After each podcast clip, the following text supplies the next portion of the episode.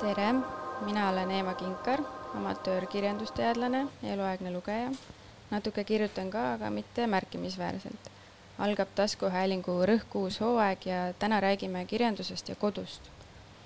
Et sissejuhatuseks nii palju, et praegu on aeg, kus paljud liiguvad kodust eemal ülikooli või astuvad hoopiski ülikooli järgselt uue sammu kusagil teises suunas ja see muutuste horisondil seismine võib-olla tekitab omamoodi peataolekut või kahtlusi sest oluline pidepunkt elus on muutumas või on kujunemas äh, distants sinu ja sellesama pidepunkti vahele. ja mulle tundub, et nii või naapidi on just kodu ka kirjanikele väga hingelähedane teema. Täieliku kodukehana pakub see teema mulle endale väga palju huvi ja saatesse olen kutsunud värsked kirjandusteadlased Kete Tammani ja Gerda-Laura Liivi, kellel on juhtumisi just kirjanduslikud kodud olnud uurimise fookuses et äh, äkki ütlete ise ka paar sõna enda ja kirjanduse kohta? ja tere, mina olen Gerda-Laura Liiv ja nagu sai mainitud, siis äsja sai tõesti kirjandusteaduse kraad kätte saadud ja mina uurisin kodu siis Õnnepalu loomingus. Aga muidu ma tegelen ka ise kirjutamisega ja jagan mõnikord mõnda kirjatükki ka Instagramis. tere, mina olen Kete ja lõpetasin siis kevadel koos Gerdaga Tallinna Ülikooli kirjandusteaduse magistrantuuri ja igapäevaselt tegelen ma nii kommunikatsiooni kui ajakirjanduse ja siis ka muu erineva kirjaliku sisuloomega. Ja võib öelda, et sõnakunst ja kirjandus on minu jaoks kõige käivitavamad jõud Äh, millega proovin siis olla seotud nii palju kui võimalik, äh, mõistagi pole seda kunagi piisavalt, aga aeg-ajalt see siiski õnnestub, näiteks nüüd kohe septembri eesoleval nädalavahetusel on mul suur rõõm osaleda noorte tõlkijate suvekoolis, äh, kus saab siis keele ja kirjanduse üle tavapärasemast enam mõtiskleda tõlkijate suvekool toimub siis Eesti Kirjanike Liidu tõlkijate sektsiooni ilukirjanduse tõlkevõistluse raames, eh, millest julgustan kindlasti kõiki kirjutajaid, noori osa võtma. Eh, ma ise leian küll, et tõlkimine on kirjutavale inimesele üks suurepärasemaid võimalusi tekstiloome oskuse arendamiseks näiteks minu enda lemmikkursus koolis oli just ilukirjanduse tõlkimine, kus sain siis tänu äh, õppejõud Kaia Sisaskile võrratult äh, arendava kogemuse. ma enne kui ma edasi liigun, ma pean ütlema, et ma olen täiesti nõus sinuga, see oli üks väga-väga lahe kursus. aga räägime natuke sissejuhatuseks seosest kodu ja kirjanduse vahel. et mulle endale tundub, et neil kahel on mingi selline tunnetuslik sarnasus et eriti võib-olla siis, kui olla lugev inimene või kirjutav inimene, et äh, mõlemad on sellised äh, kergelt hoomamatud, väga isiklikud, oma eluloolised kohati ja ka lõpmatult mitmetähenduslikud. et kui ma ütlen sõna kirjandus, siis liiguvad mõtted kõigil ise suundades ja samamoodi, kui ma ütlen sõna kodu, ei ole jälle täpselt kahte ühesugust kujutluspilti isegi kahel samas kodus koos elaval inimesel ja ometi neid kahte sõna ühendab teatav trööstiv tegur, kui nii võib öelda. Nad pakuvad turvatunnet, aega oma mõtetesse süveneda. ja kirjandus ja kodu on mõlemad kohad, kus me laseme asjadel endaga juhtuda või kuidas teile tundub, mis seob kodu ja kirjandust? Kete, võib-olla sinust alustaks. jaa äh tulenevalt ka siis äh, minu magistritöö kodu teemalisusest äh, pole mul mõistagi kahtlust, et kirjandus ja kodu on omavahel seotud. esiteks äh, räägib kirjandus ju elust, kodu ja selle loomine on elus minu arvates üks keskseid teemasid.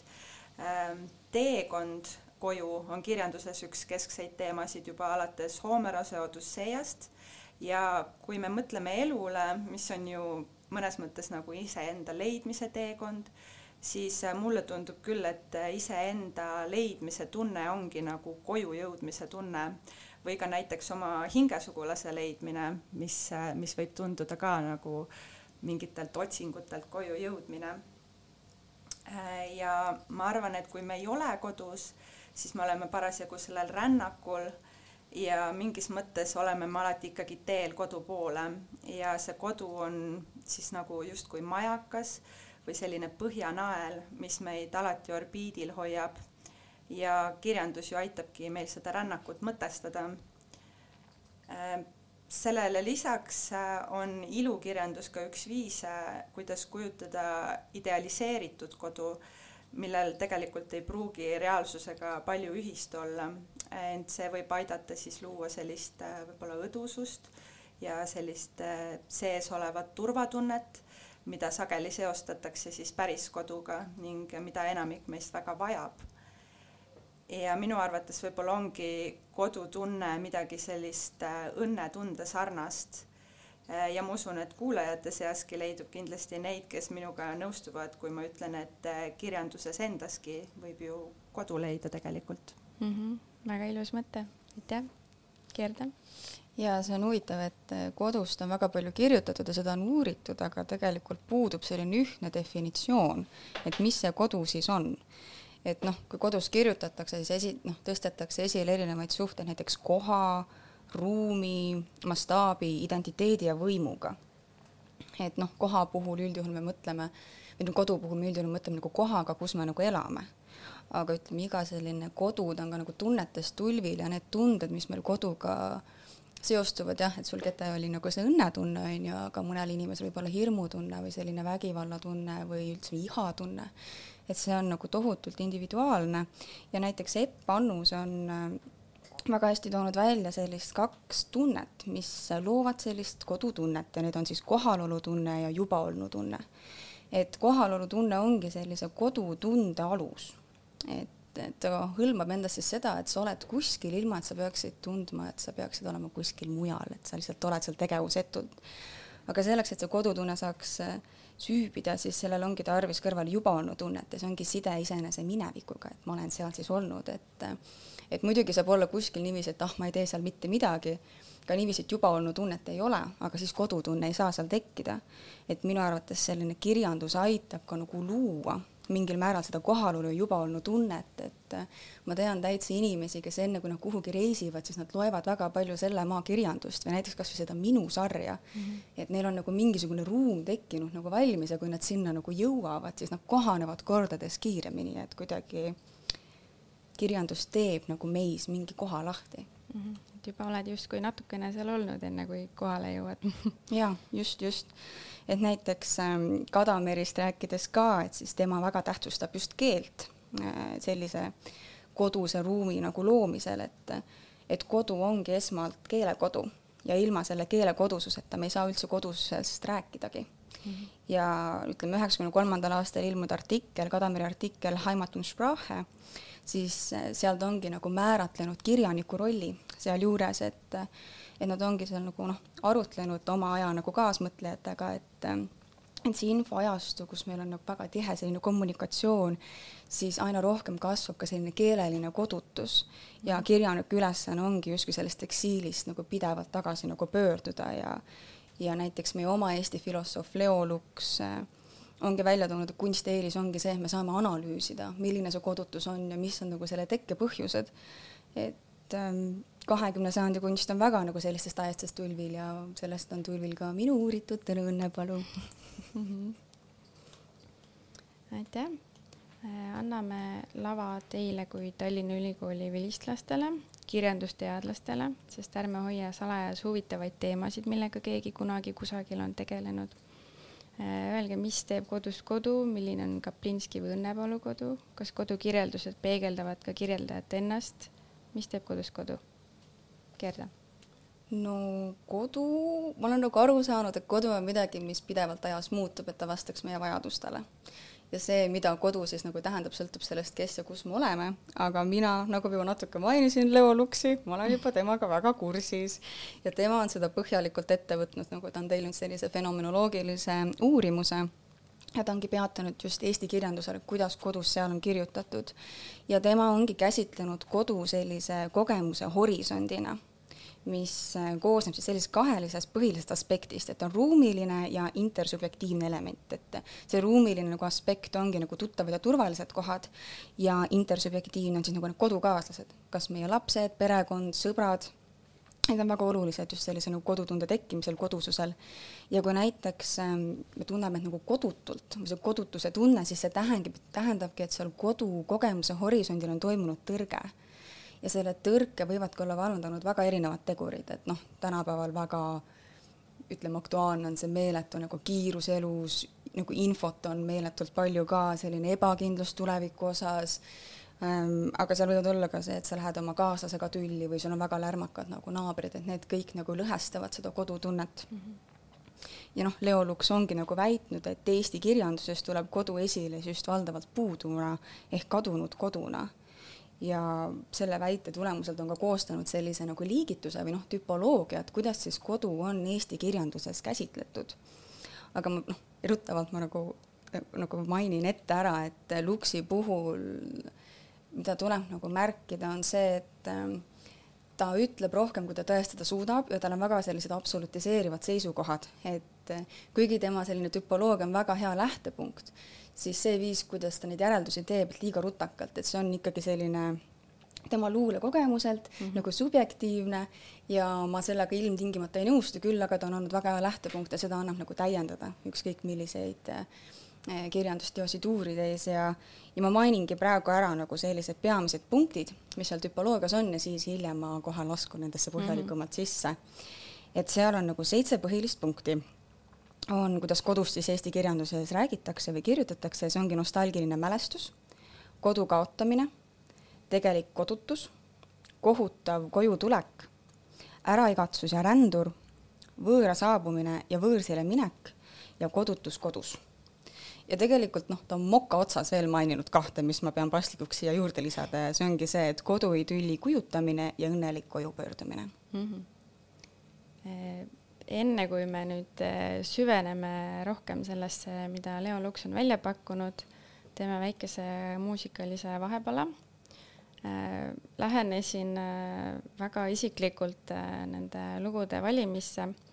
et minu, minu jaoks on kaks kodu ühes. et esimene neist on mu väljapoole kodu. sinna kutsun külalisi, me teeme koos süüa, joome veini ja alati on mingil eluhetkel vaja ikkagi kapist välja koukida nõukogude ajast pärit äh, mahavoki vinüül ja kuulata just äh, mägede häält. ja ma tean, et see lugu nüüd äh, kõlab küll nagu istuks bänd kuskil kasti sees, aga las ta siis ollagi selline.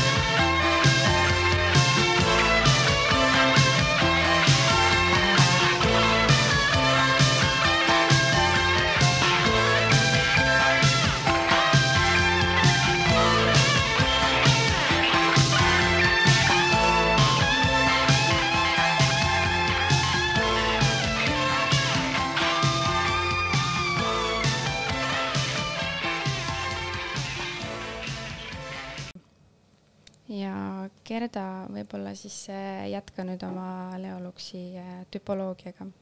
Ja just nagu ma mainisin siis, et kuidas siis äh, kodust eesti kirjanduses on kirjutatud, siis esimesena toobki Luks välja nostalgilise mälestuse. ja ta väga kindlameelselt nagu väidab, et see ongi nagu kõige levinum viis, kuidas kodu on siis kujutatud eesti kirjanduses, selline igatsev mälestus kodust, just nagu lapsepõlve kodust. Ja ta on selline idealiseeritud, kuidagi kuskil kaugel on selline ilus kuldne kodu ja sealjuures ta rõhutab ka seda, et see kodu on kättesaamatu, et ta nagu jääbki minevikku. et sellepärast on ka nagu see, see nostalgia sealjuures, on ju. aga ta on ka juurde lisanud, et siiski ei piirdu kirjandus üksnes igatsemisega. et üheks väga kandvaks motiiviks läbi aegade on olnud ka teekond kodu poole, et koju tulek, mis siis tema meelest on väga selline ebaõdus. aga sellel ma peatun natukene hiljem. -hmm. nüüd järgmine teemapunkt oligi kodu kaotamine ja siin viitab Lux tekstidele, kus kodususe hävimine on põhilises fookuses ja see võib toimuda tõesti nii ruumilisel kui ka intersubjektiivsel tasandil. et näiteks sõda, väga aktuaalne praegu, võibki siis hävitada kodu ja mille tulemusena me oleme siis sunnitud kodust lahkuma. aga täpselt samamoodi võib seda kodutunnet lõhkuda ka väga lähedase surm, kus siis nagu kodukaaslased triivad üksteisest nagu eemale ja kodusushorisont hävib et sellised kirjutised omakorda, kodu kaotamise kirjutamised saab jagada siis nagu kaheks. üks ongi see, kus me keskendume siis kodu hävimisele ja teine on selline traumaatiline mälukirjandus ja sellist mõlemat motiivi leidub väga ka pagulaskirjanduses.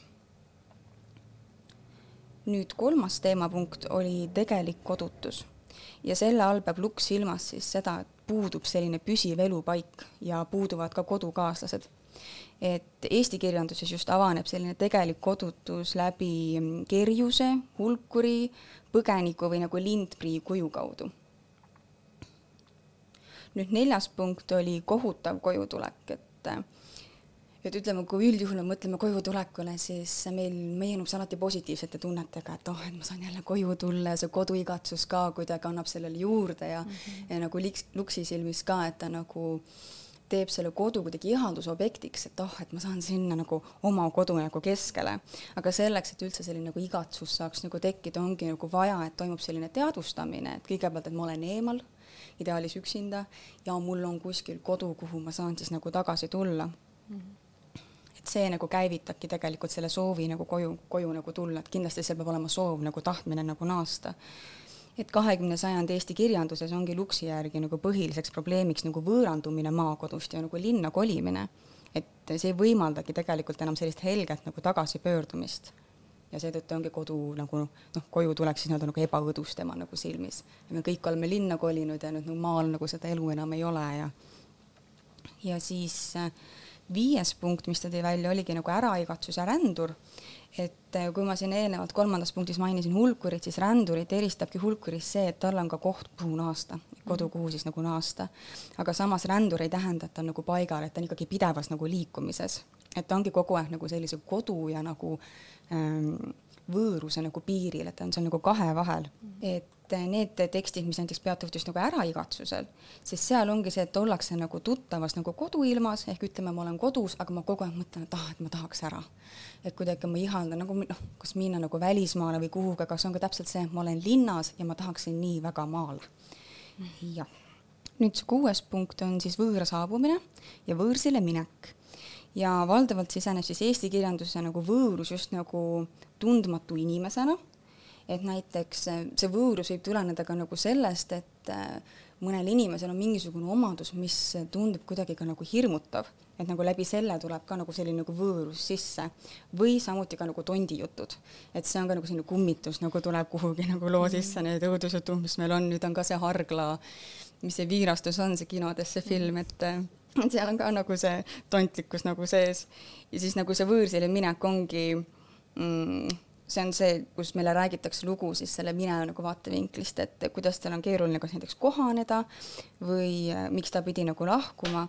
ja näiteks Eesti kirjanduses on selliseks väga kaheks toitvaks situatsioonis, situatsiooni lähiajaloost ongi maapakku minek ja küüditamine.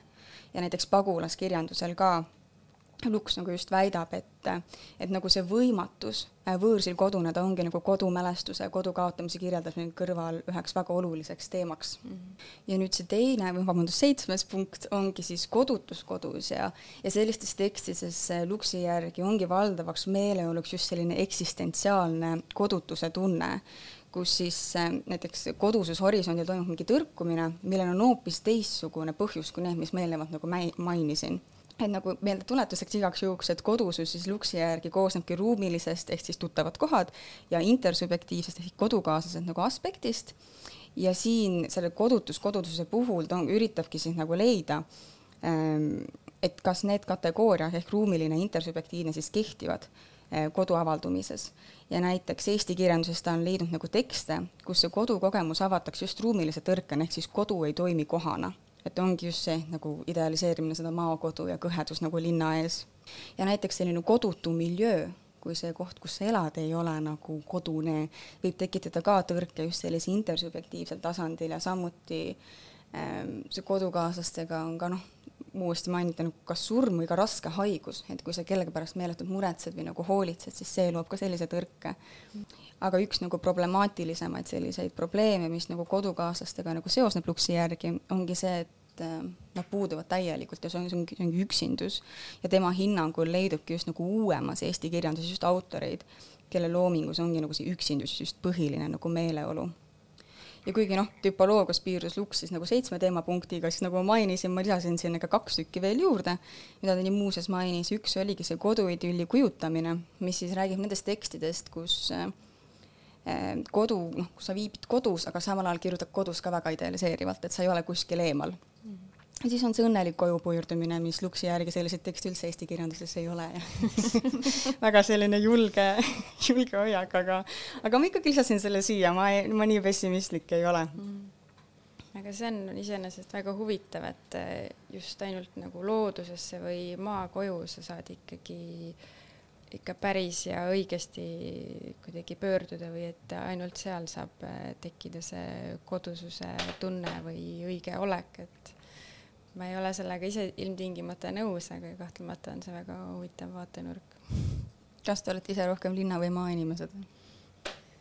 linna olen mina selgelt, täitsa korteriinimene ja minu jaoks see just seostub kodususega, võib-olla sellepärast ma ei suhestugi selle mõttega äh, mina ja Kaplinski, kellest ma kohe lähemalt räägin, äh, jagame ilmselt seda äh, meie, meie kodu kui globaalne ökosüsteem seda mõtet, et kuigi ma olen ise ka linnainimene ja ma ütlen sageli oma kodu kohta, et ma lausa jumaldan oma kodu, aga siiski isegi seal, mis teevad sellest kodust, kodu on, kuidas ma vaatan aknast puid, mis aastaaegade vahetuses värvi muudavad, et see on ikkagi isegi linnakodu aknast kuidagi loodusega seotud mm. -hmm aga mm, Kaplinski, eh, minu magistritöö oligi siis eh, rännak Jaan Kaplinski kodudes ja sellel eh, luule- ja proosarännakul olin ma koos oma suurepäraste juhendajate Joosep Susi ja Maris Saagpakiga,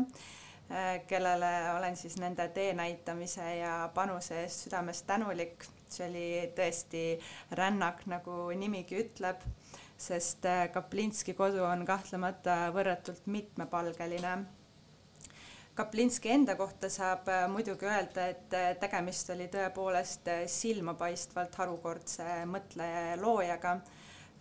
kõige ilmekam näide sellest täna väga ajakajaline ökoloogiline kriis, mis, mida millest me räägime rohkem kui kunagi varem, aga Kaplinski rääkis sellest juba kaheksakümnendatel, Nõukogude ajal. Ehm, oma lugude kohta üldiselt on Jan Kaplinski ise öelnud, et tema lood ongi just kodu otsimise lood. ja kaks läbivat teemat siis tema loomingus äh, olidki ökoloogia ja kodu. ja noh, nagu ma mainisin, siis äh, mina leian küll, et äh, mis see kogu planeedi ökosüsteem muud ongi kui meie kõigi, ma mõtlen siin ka teisi liike peale inimeste, äh, meie kõigi ühine kodu mm. -hmm. minu töös olid vaatluse all kaks luulekogu, Tule tagasi Helmemänd ja Õhtu toob tagasi kõik. nagu siit juba aimata saab, siis seal on sellist ähm, kutsumist ja saabumist ja otsinguid juba pealkirjades aga selle asemel, et siis avada luulet isoleeritult, ma kõrvutasin seda teiste kodust kõnelevate oma elulooliste tekstidega Äh, mis aitasid mul siis avada Kapelinski sellist äh, laiemat äh, maailma nägemise ja kujutamise viisi. ja selleks ma siis valisin tekstilõigud kolmest erinevast teosest, milleks on esseistlik Jää ja kanarpikk kogumikust Jää, autobiograafiline ja esseistlik proosateos Isale ning poolautobiograafiline romaan Seesama jõgi. Ja kõiki neid äh, teoseid analüüsides püüdsin siis aimu saada, milline on kodu Kaplinski loomingus ja kus see tema omaailmas üldse asetseb äh, ning kuidas siis avaldub äh, kodumotiivi kaudu Jaan Kaplinski selline laiem maailma nägemise ja kujutamise viis, kui kõrvutada just luulet siis esseistika ja proosaga ja kuigi ma konkreetselt äh, oma eluloolisusega oma töös ei tegelenud, sest luule üldiselt ei tegelegi oma eluloolisusega, äh, siis äh, ma kirjutasin ikkagi Kaplinski elust, et lugeja saaks võib-olla neid seoseid ise luua. Ja kui mina keskendusin autori sellisele maailma nägemise viisile, siis sellest võib mõistagi järeldada, et Kaplinski looming oli tugevalt oma elulooline aga kui rääkida kodust, äh, siis mulle tundub, et alustuseks äh, võiks mõelda, mis üldse teeb mingist äh, paigast tähendusliku koha. Näiteks geograafia koharaamatu autori Edward Relfi järgi varjutab kaasajal kohatunnet aina vähenev autentne suhtumine või selline nähtus, mida ta nimetab siis kohatuseks Äh, see on selliste omanäoliste kohtade juhuslik hävitamine ja standardiseeritud paikade loomine, mis tuleneb äh, eelkõige siis teadmatusest erinevate kohtade tähtsuse suhtes. Äh, see on just see, millele on tegelikult oma arvukates sõnavõttudes viidanud ka Kaplinski. ta on näiteks öelnud ähm, aga vanadel kaartidel on näiteks niisugused armsad kohanimed nagu Vareste varikualune soo ja mis kõik. pea igal niidulapil ja põllul on ikka oma nimekene. praegu me jah, kihutame mööda ja lendame üle ja tulemus on see, et saame palju, aga igast asjast eraldi saame vähem ja ma ise arvan, et äh, see on iseäranis oluline mõte tänase globaalse kodutuse ja miks mitte ka globaalse kodususe kontekstis. et äh, kui palju me üldse mingisuguseid kohti või nende tähendust äh, adume või kui palju me neile mõtleme. ja kirjandusteadlane Joost van Paak näiteks ütleb, et me võime rääkida kohast, kus tunneme end koduselt, at home ja mis ei pea olema tegelikult isegi mingi hoone või mis tahes äh, selline suletud või varju pakkuv struktuur. seetõttu on äh, kodukogemus tõepoolest väga avar mõiste.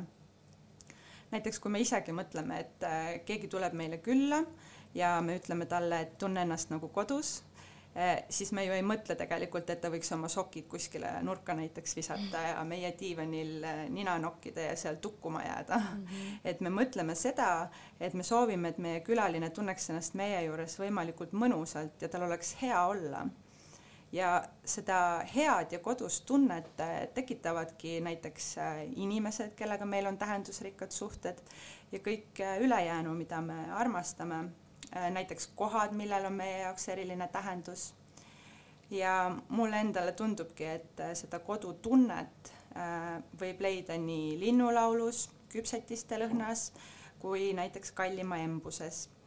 ja seda teeb oma loomingus ka kodu otsides Kaplinski, sest kodu võib tema teostes peituda kõige argisemates detailides meie, siis jälle meie ökoloogilises globaalses kodus kasvades siis justkui äh, maagiliseks hüperbooliks, kus ta ületab aja ja ruumi piire. aga kui rääkida konkreetselt Kaplinski luuleloomingust, äh, siis seal haakub äh, lüürilise lause ja maailma nägemise ja kujutamise viis tõesti olulisel määral autori omaga ja see viis on erinevates tekstiliikides tugevalt ökoloogiline, aga samas mõjutatud ka näiteks idamaade filosoofiast ja ka siseheitlustest kristluse teemadel mm. -hmm ja nii tema värsiridades kui, kui ka sellistes proosa tekstilõikudes äh, kordub tugev antropotsentrismi eitus ja ökotsentrismi taotlus. võib-olla need mõjutused on siis jõudnud ka kaugemale, kui, kui me nagu rääkisime, et, et just looduse kaudu kuidagi leitakse seda kodu, võib-olla sellepärast, et see on meie kõigi, kõige esimene kodu, kui mm. mõelda üldse inimajaloole. aga siiski äh, Kaplinski ökopoeetilises omailmas äh, vaevab lüürilist lausujat sageli selline ikkagi kodutustunne ja koduigatsus, äh, et selles suhtes Luksil on kindlasti õigus, et Eesti kirjanduses kodu tuleb valdavalt esile kadunud ähm, koduna aga selle kaaluks ju luuaksegi kirjanduslikke kodusid, mis võivad asuda äh, näiteks äh, Kaplinski loomingus nii keldris, linnatänaval, maakodus äh, kui taevatähtede seas. Need äh, võivad asuda näiteks kirjutamishetkes või hoopis miljonite aastate taguses ajas. ja sellise hingekoduga võib kontakti saada kas või oma lapse pilgu läbi. Koduks võib olla paik või seisund, kus ennast seesolevana tuntakse ning enamasti on selline paik tõesti looduslik ja olulisel kohal nendes kohtades kindlasti Kaplinski loomingus on puud ja kivid. ent äh, kodul on ka selgelt kosmiline mõõde.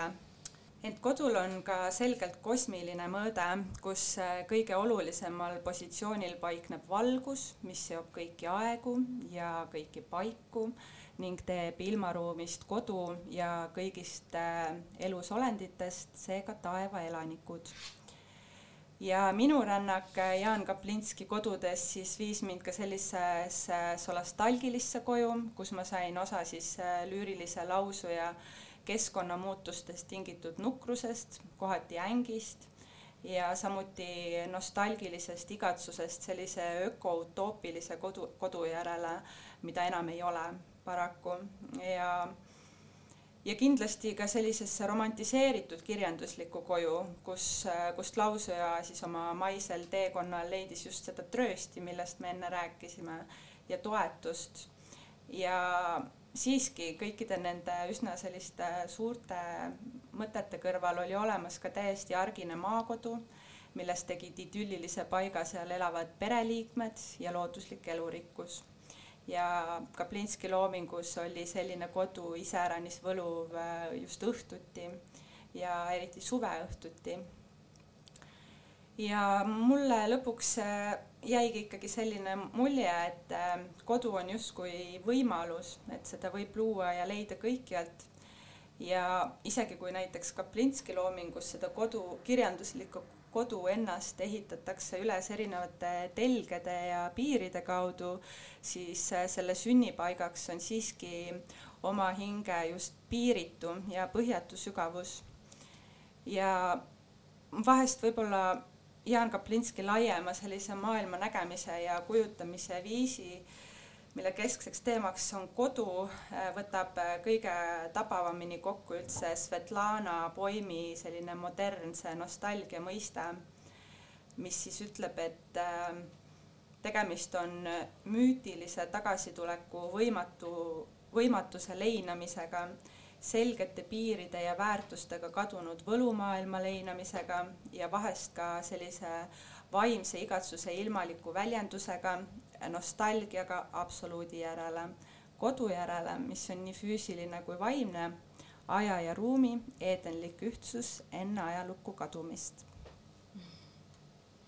väga hea, äh, ma olen ise lugenud Kaplinski esseistikat ja eluloolist materjali rohkem kui luulet, aga ka sealt kumab ikkagi välja selline teatav kodukoha tunne.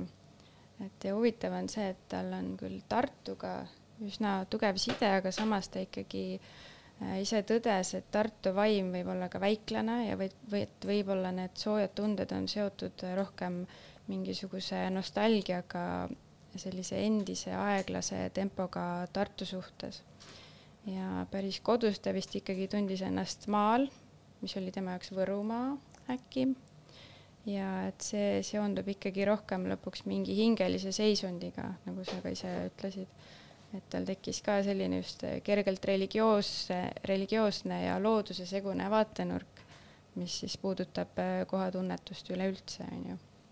Jaa, äh, Kaplinskile tema maakodud olid väga olulised, ta lapsepõlves oli väga palju Võrumaal, aga tema selline täiskasvanu eakodu oli siis vist Põlvamaal Vana-Mutiku talus, mis on selline tema ainuke selline maine kodu või kõige olulisem, mille ta siis sai äh, alle, leidis täiskasvanuna, sest tema lapsepõlvekodu oli sõjast räsitud, äh, puruks pommitatud Tartu mm. -hmm ja isegi siis tegelikult äh, täiskasvanuna ta igatses just seda Eesti aega, milles ta ise tegelikult ei elanudki, aga seda Tartut. et, et sellest ka need kirjanduslikud kodud ja, ja noh, nagu me rääkisime, et et tihti ei pea sellel reaalsusega palju pistmist olema, et igatseda võib nii endaeelset aega, miljonite ta, äh, aastate tagust helmemändide ja metasekvojade aega et kirjanduses on kõik võimalik. Mm, millega see side endal tekib, see ongi, on ju. just. Äh, võib-olla enne, kui me liigume Gerda sinu magistritöö juurde, teeme väikese puhkepausi ajule.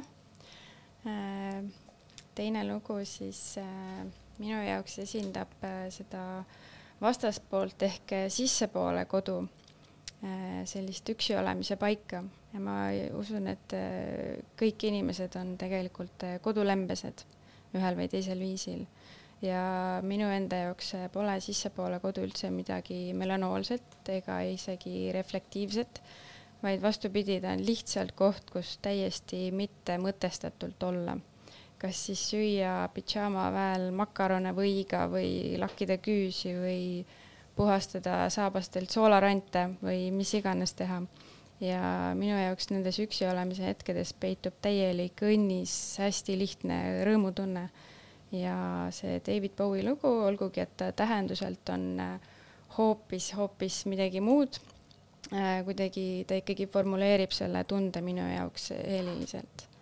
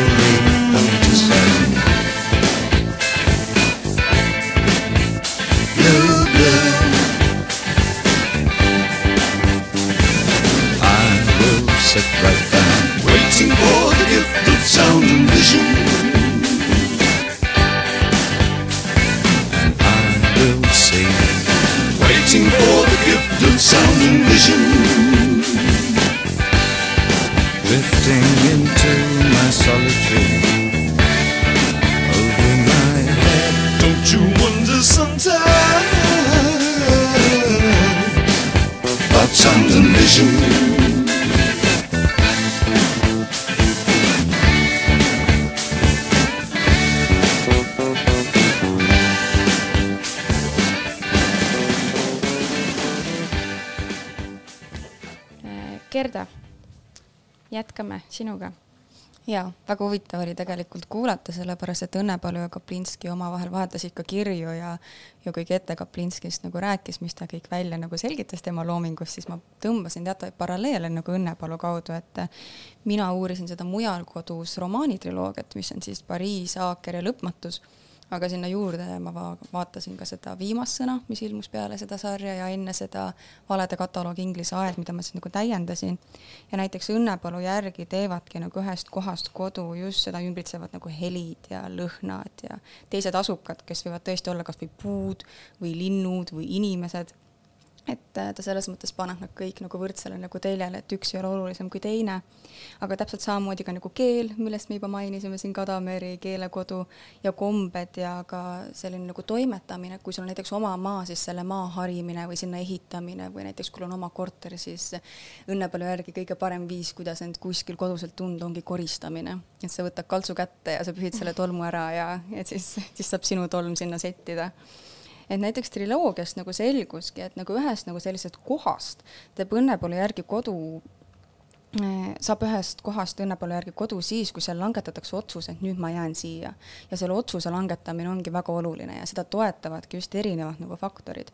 nagu näiteks juba olnud tunne ehk side omaenese minevikuga, näiteks su suguvõsa ajalugu, aga ka kogukonna olemasolu.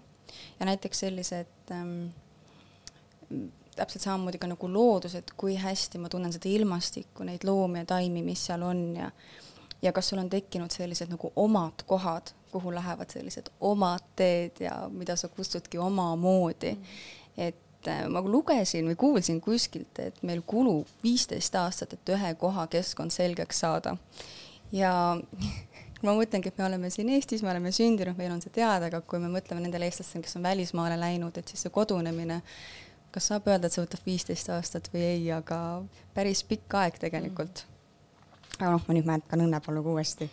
Ehm, aga jah, need erinevad faktorid, mis toetavad nagu selle koha nagu kodunemist, ongi ka samuti igatsus, kas ma tahan sinna minna, kas mind huvitab see, kus ma nagu olen ja, ja just selline äratundmine ka, et see on nagu midagi, mis nagu Õnnepalu mainib justkui ridade vahel, ta ei ütle seda otse välja, aga ta räägib nagu sellisest nagu hingelisest nagu äratundmisest, et kuskil hingesopis me saame aru, kus me peame olema, et ah, et lõpuks mu keha tõi mu nagu siia. ja seda ta peab ka väga oluliseks, et sealt tulebki see esmane signaal, mille nagu toel me siis otsustamegi, et kas me jääme siia või ei. ja näiteks kui äh, ütleme, Kete nagu nõustus nagu Kaplinski loomingu puhul sellega, mis Leo Luks ütles, siis näiteks kui eesti kirjanduses Luksi järgi on põhiline kodutus, siis Õnnepalu teoste nagu analüüs näitas, et seda teesi peaks kohe kindlasti modifitseerima, sest tema loomingus, tema looming sellele ei vasta. et seda kodutust lihtsalt nagu väga nagu ei esine ja näiteks triloogiale tuginedes ma täiendaksin ka sellist luksi tüpoloogiat selliste teemadega, kui ma seda juba lähtepunktiks nagu võtsin, siis ma lisaksingi sinna juurde, näiteks kodust on kirjutatud siis eesti kirjandusel tänu Õnne Palule ka sellisest õnnelikust nagu kodukogemusest, mis omakorda jaguneb kaheks, et see õnnelik kodu võib olla nii mm, kodumaal kui ka tegelikult võõrsil siis teine punkt, mida ma ka Õnnepalu näite sisse tooksin, ongi nagu helge koju jõudmine. et Luks küll tõesti kiiruga mainis seda õnnelikku koju pöördumist, aga pöördumine nagu nõuaks sellist teadlikku muutust. aga jõudmine on rohkem selline nagu loomulik ja sundimatu, et sellepärast ma tooksingi selle eraldi välja ja ja siis kolmanda teemapunktina ongi selline sihilik nagu kodu loomine või kodunemine, kus, kuhu alla saaks, siis liigitada sellised teosed, kus siis tegelane seab end teadlikult kuskil uues või võõras kohas sisse, mis Õnnepalu see terve see mujal kodus romaani triloogia kindlasti on ja need raamatud eraldiseisvalt ka aga näiteks, mis selgus veel, ongi see, et Õnnepalu järgi võib kodu olla ükskõik kus. peaasi, et on, kuhu tulla ja kuhu peitu pugeda et kodu ongi selline kindel koht ja kuidagi see kodutunne on seotud selle teadmisega, et mul on see mingisugune koht, kuhu ma saan minna ja ma saan seal olla segamatult, et ta väga palju rõhutab seda nagu privaatsust, mida tema nagu vajas ja kuidas näiteks inimesed, isegi kui see on naaber kuskil nagu Muskoga seal metsa keskel, et siis ta pigem eelistaski selliste loomade ja lindude nagu seltskonda et see oli ka hästi huvitav ja, ja Õnnepalu nagu kodukäsitluses mängibki nagu olulist rolli just selline afektiivne suhe maailmaga. et minu arust afekti nagu sellist eh, definitsiooni on väga hästi nagu määratlenud Talviste, Eret Talviste, eh, kelle puhul, kes toobki välja, et afekti puhul on meil tegu siis sellise atmosfääri või meeleoluga mis ei kuulu siis päriselt meile, vaid see on nii-öelda antud meile. ja see ongi kogum sellistest helidest, lõhnadest, valgusest, ajast ja kohast ja mis meis tekitab mingisuguse teisiti olemise tunde. et kus me hakkamegi nagu teisiti tajuma, mõtlema nagu selles hetkes. ja tänu sellele me siis märkamegi seda, mis muidu jääb kahe silma vahele aga selline nagu afekti märkamine toimubki just siis, kui elu aeglustub et aeglaselt me võtame aja maha, me istume, me oleme, me paneme nagu tähele ja, ja kui ma seda lugesin, siis ma mõtlesin ka, et nagu Õnnepalu kirjutatu ongi justkui nagu aeglustuse nagu tulemusel tekkinud. et mina lugejana pidin ka aja maha võtma, et tema teksti vastu võtta, et nagu Õnnepalu ei saa kuidagi kiirustades läbi lugeda, sest muidu nagu nii palju nüansse näeb, jääb nagu vastu võtmata või nagu nägemata et see oli nagu hästi huvitav selline nagu mõte, ma just praegu kuulan mingisugust podcast'i ka, mis räägib nagu Fred Jüssist, et Õnnepalu väga hindas ka Fred Jüssit ja Fred Jüssi on ka muidu linnainimene ja siis ta käib seal looduses rongiga, rattaga ja tema räägib ka, kuidas see looduses ka aja mahavõtmine, et kuidas kõige parem ongi see, kas me istume või me kuskil nagu oleme täitsa nagu pikali maas, et kui me oleme püsti, siis me oleme tegelikult valmis ka liikuma tükk aega peab ikka istuma seal ja nagu peesitama, kuniks me hakkame tähele panema seda loodust meie ümber. -hmm. välja lülitada. just, just. et ma leidsin kohe sellise väga hea mõtte, et et näiteks Hanna-Linda Korp on teinud nagu Pariisi arvustades sellise hea tähelepaneku, et miks armastab eestlane Tõnu Õnnepalu loomingut nõnda palavalt. sest tal on vaja, et keegi ütleks kaunilt, mis tunne on olla inimene mm. -hmm ma küsin veel, et kui Kette ütles, et äh, Jaan Kaplinski puhul on noh, seda sa küll ei käsitlenud otseselt, oli ikkagi selline äh, elulooline mm, aspekt äh, loomingul ikkagi täitsa olemas. et kuidas äh, Õnnepaluga, kas sul sellest tekkis mingi mulje? Ja no Õnnepalul on ka selline autobiograafiline sisu ja sealt mujal kodus triloogias oli hästi palju nagu selliseid näiteid, mis seda nagu toetasid. aga kuna ma lugesin ka nagu Piiririiki ja ma lugesin ka nagu Palka, et siis on nagu huvitav nagu varasemates, varasemas loomingus seda niiviisi nagu ei ole nii palju, kui seda on nüüd ja Õnnepalu puhul on ka see, et me ei tea, kes on jutustaja. mulle meeldiks muidugi öelda, et Õnnepalu jutustab mulle neid lugusid, on ju, et see keegi Tõnu, see on minu peas, aga ta, meil ei ole vihjeid, kas see on mees või naine ja see on kõikide nende raamatute puhul, et et see võib olla ka keegi, keegi väga sarnane talle ja ise mm -hmm. ma hakkasin ka selle peale mõtlema, et kas siis autor ja jutustaja, et kuidas nemad selle omavahel suhestuvad ja kes meile siis ikkagi räägib, aga eks see ole igaühe enda kogeda ja lugeda. ma nägin just äh, Tõnu Õnnepalu Tartus Pierre'i kohvikus, ma oleks enne teadnud, oleks kohe ligi läinud ja meile tänaseks vastused leidnud. kuule, kuidas sellega siis on aga teeme sellise väikese, ma ei tea, kas just soovituste ringi, aga äh, noh, kodu on, on ju teema, mida on võimalik valada kõikvõimalikesse erinevatesse vormidesse et võib-olla kõige levinumad on neist siis elulookirjandus, luule, romaanid, esseistika võib-olla ka. ja mis siis võiks olla mingid head näited, et ma ise, kui ma mõtlesin selle peale, siis äh, üks hea näide on minu arust äh, Jaan Kross ja just tema selline keeruline kodu ja kodutuse vaheline mõtteruum või olek et teades tema eluloolist tausta, on äh, väga huvitav, et kuidas ta, kuidas tegelikult võiski olla tema jaoks just kirjandus see, mis pakkus talle näiteks kaugel Siberis äh, kodulohutust, et äh, seega ei pea kodu ju tekstist absoluutselt teema või motiivina isegi läbi jooksma, et tajuda selle kohalolu. Ja näiteks äh, Tiit Pagul on äh, väga huvitav Jaan Unduski järelsõna, mis otseselt küll koduteemat ei puuduta, aga kuidagi minu arust andis sellele, heitis väga palju valgust ja andis palju juurde tekstile endale. ja teine näide võib-olla läheb natukene mm, kodumaisest kirjandusest äh, kaugele see puudutab äh, noore ameeriklase Tara Westoveri memuaari Educated ehk äh, haritud.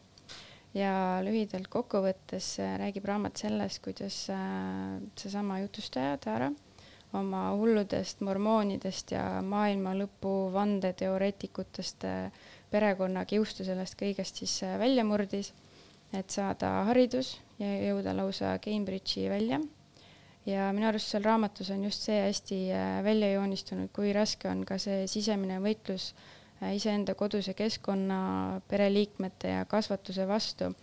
ja et lõpuks, ehkki sa võid saavutada kõik, mis oleks siis äh, olusid arvesse võttes olnud võimatu, jääb sulle sellest täiesti düsfunktsionaalsest kodust lahti öeldes ikkagi tunne, et midagi läks just katki et ma ei tea, kas teil on mingeid vähem masendavaid näiteid tuua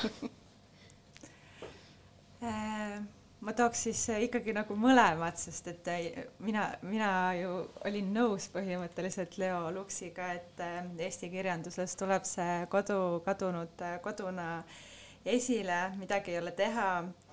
ja minu enda ja kui ma õigesti tegelikult mäletan, siis ka Leo Luksi arvates on üks võib-olla ilmekamaid kodu siis igatsuse näiteid luulest Ernst Enno Koju igatsus ja võin selle siis eh, kohe ka siin ette lugeda. aga palun. nüüd õitsvad kodus valged ristikheinad, tuul mängib lillelõhnaga, mu ümber sala laulvad vaiksed leinad.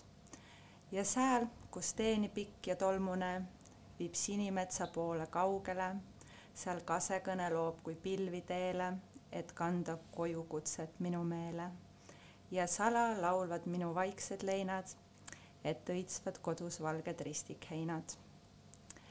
ja ma lisaksin siia veel juurde Gaston Bachelari mõtte tema ruumi poeetikast, eh, mis siis räägib sellisest eh, kodu kujutamisest ja, ja luulest, eh, luulest meie kõigi elus ta ütleb, et mälestustel välismaailmast pole kunagi samasugust tonaalsust kui mälestustel kodust ja äratades ellu mälestusi kodust, me täiendame oma unistuste tagavara. me ei ole kunagi tõelised ajaloolased, vaid alati pisut poeedid ja meie emotsioon pole võib-olla muud kui kaotsi läinud luuleväljendus.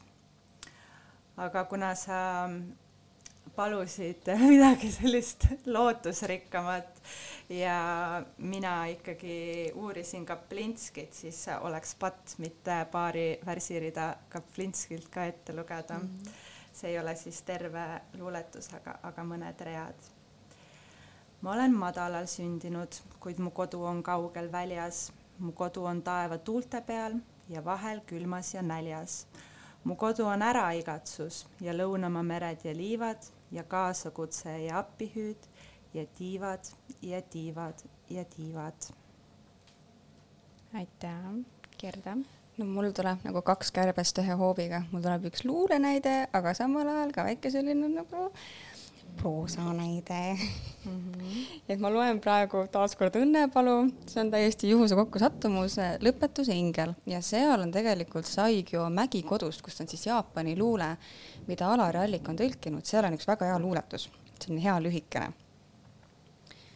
kui elu siingi muserdavaks muutub ning edasi triivin, ihu üksi elama peab mu vana tuttav mänd ja siis Õnnepalu on nagu arutlenud nende värsside üle, ta ütleb, et oh, et ta pole enne näinud nagu nii häid värsse, mis võtaks ta nagu elu kokku. ja siis ta lisab, et alati see südamesse torkav valu, vaadates neid kohti, kust lahkud. see kahetsus just nagu jätaks iseenda sinna maha, üksinda aastaaegade kätte. isegi mitte enda.